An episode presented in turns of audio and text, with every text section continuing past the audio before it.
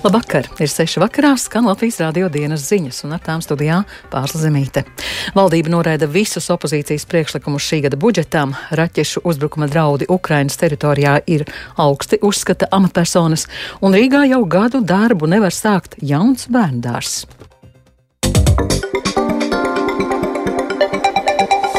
Valdība šī gada budžetā noraidīja visus opozīcijas priekšlikumus, tajā skaitā lielākiem pabalstiem un pensijām. Vienlaikus ministri atbalstīja kārtību, kā iespējami drīz dažādu nozaru vajadzībām naudu varēs pārvirzīt no neīstenotām budžeta programmām.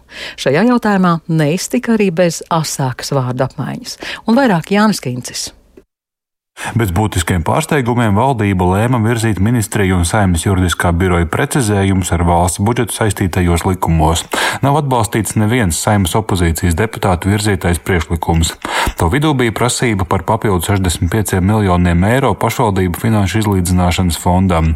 Tāpat rosinot palielināt valsts budžeta deficītu, Zaļo un Zemnieku savienības frakcija prasīja papildu 235 miljonus eiro primārajai aprūpei onkoloģijas slimniekiem. Savukārt Latvija Pirmajā vietā frakcija rosināja 100 miljonu eiro programmu, lai izmaksātu 5000 eiro bērnu piedzimšanas pabalstus. Opozīcijas ieceres par līdzekļu pārdēlu finanšu ministrija ierasti neatbalsta, bieži vien tās arī krietni pārsniedz valsts budžeta tēriņu robežas. Vienlaikus valdība bez diskusijām virzīja Saimas valsts pārvaldes un pašvaldības komisijas priekšlikumu par prasītajiem līdzekļiem centrālās vēlēšana komisijas darbinieku atalgojumu celšanai. Ministri arī vienojās, ka budžetā ieplānotu, bet nerealizētu programmu līdzekļus jau no no gada otrās puses varēs pārdalīt vajadzībām citās nozarēs, tajā skaitā veselības, iekšlietu un citām par prioritārām atzītajām jomām. Savas jomas interešu aizstāvībā uzreiz devās veselības ministra Līga Mendelsona, norādot uz šā gada budžetā nepiepildītajiem mērķiem. Nu, man ir konkrēti onkoloģijā medikamenti ir 47 miljoni, kas šobrīd nav nosakti, vai bērnu zobārstniecība 8 miljoni, kas arī nav atrasts šajā budžetā.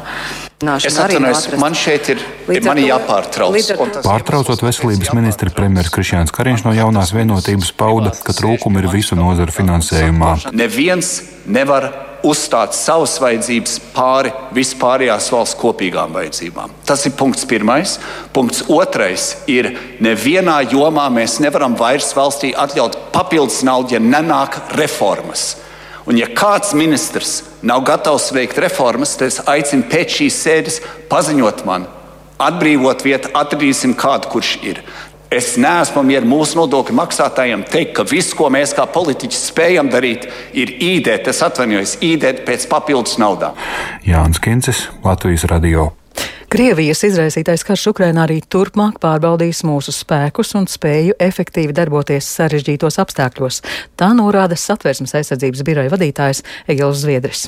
Pārskatot par, par Krievijas mēģinājumiem ietekmēt Latvijas iekšpolitisko situāciju, apdirektors saka, mēs esam pārvērtējuši Krievijas spējas hibrīda apdraudējumā. Nu, kā viens no piemēriem, ko es varu minēt, attiecīgi ir eh, pagājušā gadā notikušās saimnes vēlēšanas, kur attiecīgi tā mēs redzējām, nu, ka Krievija nemēģināja kaut kādā veidā realizēt kādu plānotu politiku attiecīgi šo saimnes rezultātu ietekmēšanai. Drīzāk mēs redzējām pietiekami skaidrs pierādījums tam, ka Krievija reaģēja uz kādiem notikumiem, mēģinot komentēt vai traktēt sevi izdevīgā gaismā. Tas, ko mēs varbūt arī redzam, ka arī tas nenes pietiekamu nu, efektu, ir Krievijas vēstniecības aktivitātes sociālajos tīklos Latvijā, kur, nu, balansējot uz šīs robežas eh, par, par, par iejaukšanos, teiksim, tā mūsu valsts iekšējās lietās tiek um, kaut kādā veidā apkopoti un pārpublicēti materiāli, nu, kas skar kādas Latvijas iekšējās problēmas vai kaut kādā veidā nievājoši izsakoties par Latviju. Vai ar likuma grozījumiem var atrisināt Ogres pašvaldības strīdu ar Ogres vēstures un mākslas muzeju? Atbildi šodien meklēja Saimnes komisijā. Jāatgādina, ka muzejs iebilda Ogres mēra Egila Helmaņa no Nacionālās apvienības rosinātajai um, sankcijām pakļautā Pjotra Avena porcelāna kolekcijas izstādē. Muzejs izstādi neatklāja. Pēc šī soļa, kā norādīja muzeja darbinieki, sākušās pašvaldības sankcijas pret muzeju. Tā direktore Evija Smiltniece Saimnes deputātiem piedāvāja trīs risinājumus. problēmas. Tātad pirmā, kas būtu jārisina, savlaicīga muzeja plānu saskaņošana. Tātad, lai nenotiek tā, ka iesniegts ir ļoti savlaicīgi un jautājumi rodās tikai īsi pirms budžeta apstiprināšanas. Plānu saskaņošana plašākā lokā, nevis vienpersoniski vai divpersoniski, bet iesaistoties muzejam un ņemot vērā muzeja argumentāciju. Un trešais - robeža noteikšana pašvaldības iespēja iejaukties noteikt muzeja satirisko darbu. Situāciju mēģināja risināt jau piekdienu muzeja padomis ārkārtas sēdē. Kultūras ministrijas parlamentārais sekretārs Ritvars Jansons no Nacionālās apvienības izklāsta iespējamās izmaiņas. Muzeja likumā būtu jānosaka muzeja neatkarības tiesības attiecībā uz krājumu politiku un aizliegumu ierobežot ar politiskiem, ideoloģiskiem vai reliģiskiem motīviem jāpapildina jau esošās muzeja padomas kompetences, paredzēt šajā padomē iespējas abām pusēm, arī muzeja direktoriem, strīdus situācijās lūgt muzeja padomas atzinumu un paredzēt, ka gadījumos, ja muzeja direktora atbrīvošana nenotiek apusēji vienojoties vai pēc muzeja vadītāja brīvas gribas, pašvaldība konsultējas ar muzeja padomu.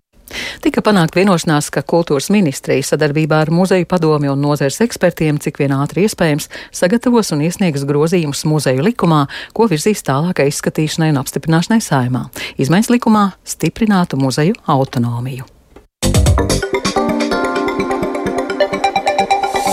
Raķešu uzbrukuma draudi Ukrainas teritorijai ir augsti un okupanti meklē jaunu taktiku pretgaisa aizsardzības apiešanā. To atzīst Ukrainas amatpersonas. Ukrainas pretgaisa aizsardzības pozīciju atklāšanai Krievija izmanto dronus un balonus, bet Melnajā jūrā pašlaik gatavībā ir divas zemūdenes ar kalibru raķetēm. Ienaidnieks turpina karu arī kibertelpā, kur Krievijas hakeri dienā veic vidēji vairāk nekā desmit uzbrukumus Ukrainai. Turpina Rihards Plūme.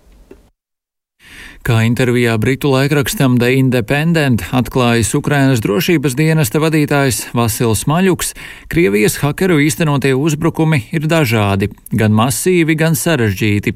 Arī šo uzbrukumu mērķi ir dažādi, tostarp valsts resursi un kritiskās infrastruktūras objekti. Maļuks gan uzsver, ka Ukraina veiksmīgi cīnās pret ienaidnieku arī kibertelpā. Krievijas hakeru īstenoto kiberuzbrukumu skaits pēdējos gados ievērojami audzis pēc Krievijas Krievijas atkārtotā iebrukuma sākuma reģistrēti jau vairāk nekā 4500 uzbrukumi.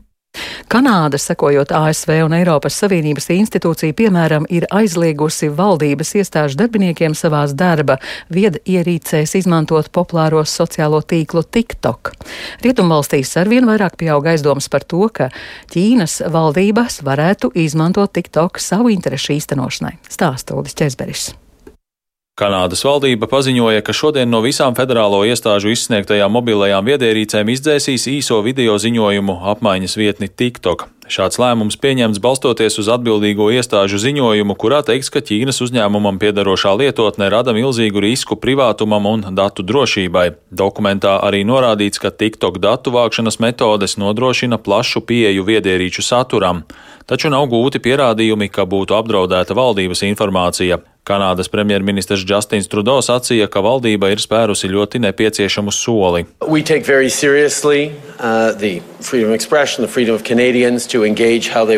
Mēs ļoti nopietni attiecamies pret vārda brīvību un Kanādas iedzīvotāju brīvību tiešsaistē iesaistīties tā, kā viņi vēlas. Taču mums arī ļoti svarīgi principi saistībā ar datu aizsardzību, kurus mēs vienmēr aizstāvēsim. Līdzīgi kā daudzas citas pasaules valstis, arī mēs rūpīgi domājam par to, kā nodrošināt, lai kanādieši būtu pasargāti tiešsaistē. Tāpēc mēs uzskatām, ka ir labāk, ja valdības viedierīcēm nav pieeja TikTok, jo ir bažas par drošību. Trudo piebilda, ka aizliegums neatieksies uz uzņēmumiem un privātpersonām, tomēr viņš mudināja kanādiešus nopietnāk padomāt par savu datu drošību. ASV valdība ir uzdevusi federālajām iestādēm 30 dienu laikā no visām to rīcībā esošajām viedierīcēm izdzēst TikTok lietotni. Tādējādi tiks īstenots ASV kongresa pērn decembrī pieņemtais aizliegums izmantot TikTok lietotni federālo iestāžu viedierīcēs. Aizliegums ir saistīts ar bažām, ka TikTok mātes uzņēmums ByteDance varētu piešķirt Ķīnas spēcdienestiem piekļuvi sociālajiem sociālā tīkla lietotāju datiem. Vairāki kongresa locekļi vēlas panākt pilnīgu TikTok aizliegumu ASV, kur sociālo tīklu lieto aptuveni 60 miljoni cilvēku. Arī Eiropas komisija šomēnes aizliedza TikTok lietotnes izmantošanu saviem darbiniekiem piešķirtajās viedierīcēs bažās par datu aizsardzību. Uldis Česberis, Latvijas radio. Rīgā jau gadu darbu nevar sākt jauns bērndārs. Telpas ir pielāgotas rindā uz simt vietām 400 mazuļi. Kāds ir iemesls, skaidroja Ieva Puķe. Nu, šobrīd 382 bērni rindā pieteikti. Rīgas domas izglītības departamenta pirmskolu nodaļas vadītāja Iveta Nagla datorā skatās gaidīšanas sarakstu, kas izveidojies bērnu dārzam Dzīpariņš, Rūpniecības ielā 21. Vienā no diviem jaunajiem pašvaldības bērnu dārziem, par kuriem pagājušajā gada 17. februārī Rīgas mērs Mārtiņš Staķis pauda gandarījumu īpaši sasauktā preses konferencē. Diemžēl gadu pēc šī skaistā notikuma bērnu dārsts Cīpariņš, ko iekārtoja bijušajās Ziemeļu rajona izpildu direkcijas telpās, tā arī stāv tukšs un kluss. Vadītājas pienākumu izpildītāja Brigita Makijevska, ko izdodas sazvanīt, apstiprina. Bērnu dārzs ir ciet, jo tā arī nav izdevies piesaistīt tam vajadzīgos desmit pedagogus. Nu, problēma ir darbiniekos. Nevar nekā sakomplektēt uh, štatu. Nu, skolotāja alga šodien ir 1081 eiro par slodzi. Pedagogi neviens. Neviens, nē, pagaidām neviens, nē. Sludinājumi visu laiku likti, un skolotājs pieteicās, un kaut kā līdz intervijai nenonāk. Pagaidām nav skaidrs, kā atrisināt situāciju, kas esot šokējoša arī pašvaldībai. Viņi lūdz pateikt, šeit ir darbs, Ieva Puķe, Latvijas radio. Bet Jūrmalā pirmskolas izglītības iestāžu darbinieki pie pilsētas domas šodien piketēja un pieprasīja lielākas algas. Jūrmals bērndārs darbiniekiem ir noteiktas zemākās likumā pieļaujamās algu likmes. Daļai tā ir minimālā alga. Latvijas radio aprunājās ar protestētājiem. Auklīte atšķirās ar to, ka viņi telpas uzkopja, bet viss pārējais tieši tas pats, kas audzinātājs. Nu, tā alga ir 460 uz rokas. Uz papīra jums ir 600, cik tur. Man nav svarīgi, kas ir uz papīra. Uz rokas ir jāskatās uz rokas. Esmu vecāks. Vietas pašvaldību dārziņos trūkst. Un izrādās nevis tāpēc, ka trūkst bērnu dārzi, bet trūkst tieši pedagoģu palīgi. Esam tehniskais personāls. Mēs mēģināsim, mēs arī iesim prom. Ļoti daudz ies prom. Mums ir apnicis. Mēs darbojamies, mēs lienam no ādas ārā. Mūs nedzird. Lai gan piketētāji pieprasīja domai paaugstināt algas vismaz par 21%, tomēr šodienas sēdē deputāti lēma palikt jau pie esošās kārtības. Un par sportu tikai viens zaudējums 16 spēlēs ar tādu bilanci Latvija noslēgus pasaules kausa kvalifikācijas posmu basketbolā. Latvija vietu pasaules kausā nodrošināja pērnā gada nogalē, bet katra uzvara bija svarīga, lai iegūtu augstāku vietu FIBA reitingā, pēc kura nosaka izlozes grozus fināla turnīram. Par panākumu stāsta Lotārs Zariņš. Latvijas basketbola izlases pasaules kausa kvalifikācijas posmu vakar arēnā Rīga noslēdz ar uzvaru. Panākums pret Grieķijas izlasi ar 65 pret 57. Latvijai tā bija 11. uzvara pēc kārtas kvalifikācijas ciklā. Pirmo ceturdaļu Latvija noslēdz ar 10 punktu pārsvaru, otrajā spēles daļā visi sāka ar ciešu sekšanu, kas noveda pie vairākām kļūdām saspēlē. Puslaika beigās labāki bija Grieķi un pārtraukumā viņi devās tikai ar viena punktu deficītu. Trešo ceturdaļu Latvija noslēdz ar plus 11, bet noslēdzošajā spēles daļā noturēts pārsvars un uzvara ar plus 8. Rezultatīvākie Latvijas izlases rindās ar 11 punktiem bija Toms Lēmans un Artūrs Strautiņš. Pēc spēles labākā trenera balvu 2022. gadā Latvijas basketbolā saņēma Luka Banki, bet labākā spēlētāja kurpi savā īpašumā ieguva Rihards Lomašs. Tikmēr basketbola izlase vilka atbalstošs krēklus ar uzrakstu Atgriezies vēl stiprāks Lomašs, kurš tagad dziedē ceļgala krustenisko saišu savainojumu. Kvalifikācijas posmu I grupā Latvija noslēdza pirmajā vietā. Un ar to izskan Latvijas rādio dienas ziņas. Producents Edgars Kupčs, ierakstus montēja Jūtas Grīnbergs, par labskaņu rūpējās Katrīna Bramberga, ar jums runāja Pārsla Zemīte un vēl par laika apstākļiem. Latvijas vidas geoloģijas un meteoroloģijas centrs informē Rīgā pat labam 3 grādi, ziemeļrietumu vējš 4 m2, gaisa spiediens 770 mm, gaisa relatīvais mitrums 83%, bet kāds laiks gaidāms turpmāk prognozēja sinoptiķe Ilze Golubeva. Trešdienas naktī neliela nokrišņa būs gaidāmi tikai valsts austrumos, savukārt rietumos pūšot lēnam vējam veidosies migla un dūmaka. Gaisa temperatūra naktī būs no plus 2 grādiem jūras piekrastē līdz mīnus 7, mīnus 9 grādiem vietām vidzemē un latgalē. Dienā savukārt gaisa iesals līdz plus 1, plus 6 grādiem un siltāks būs kurzemē, kā arī zemgalē. Diena būs lielākoties sausa un arī itin saulaina. Līdzīgi laikapstākļi gaidām arī ceturtdien, vienīgi naktī vairs nebūs tik augsts, bet dienā vietām gaisa iesils pat līdz plus 7 grādiem. Bet sākot ar piekdienu nokrišņu būs vairāk un pastiprināsies arī vējš.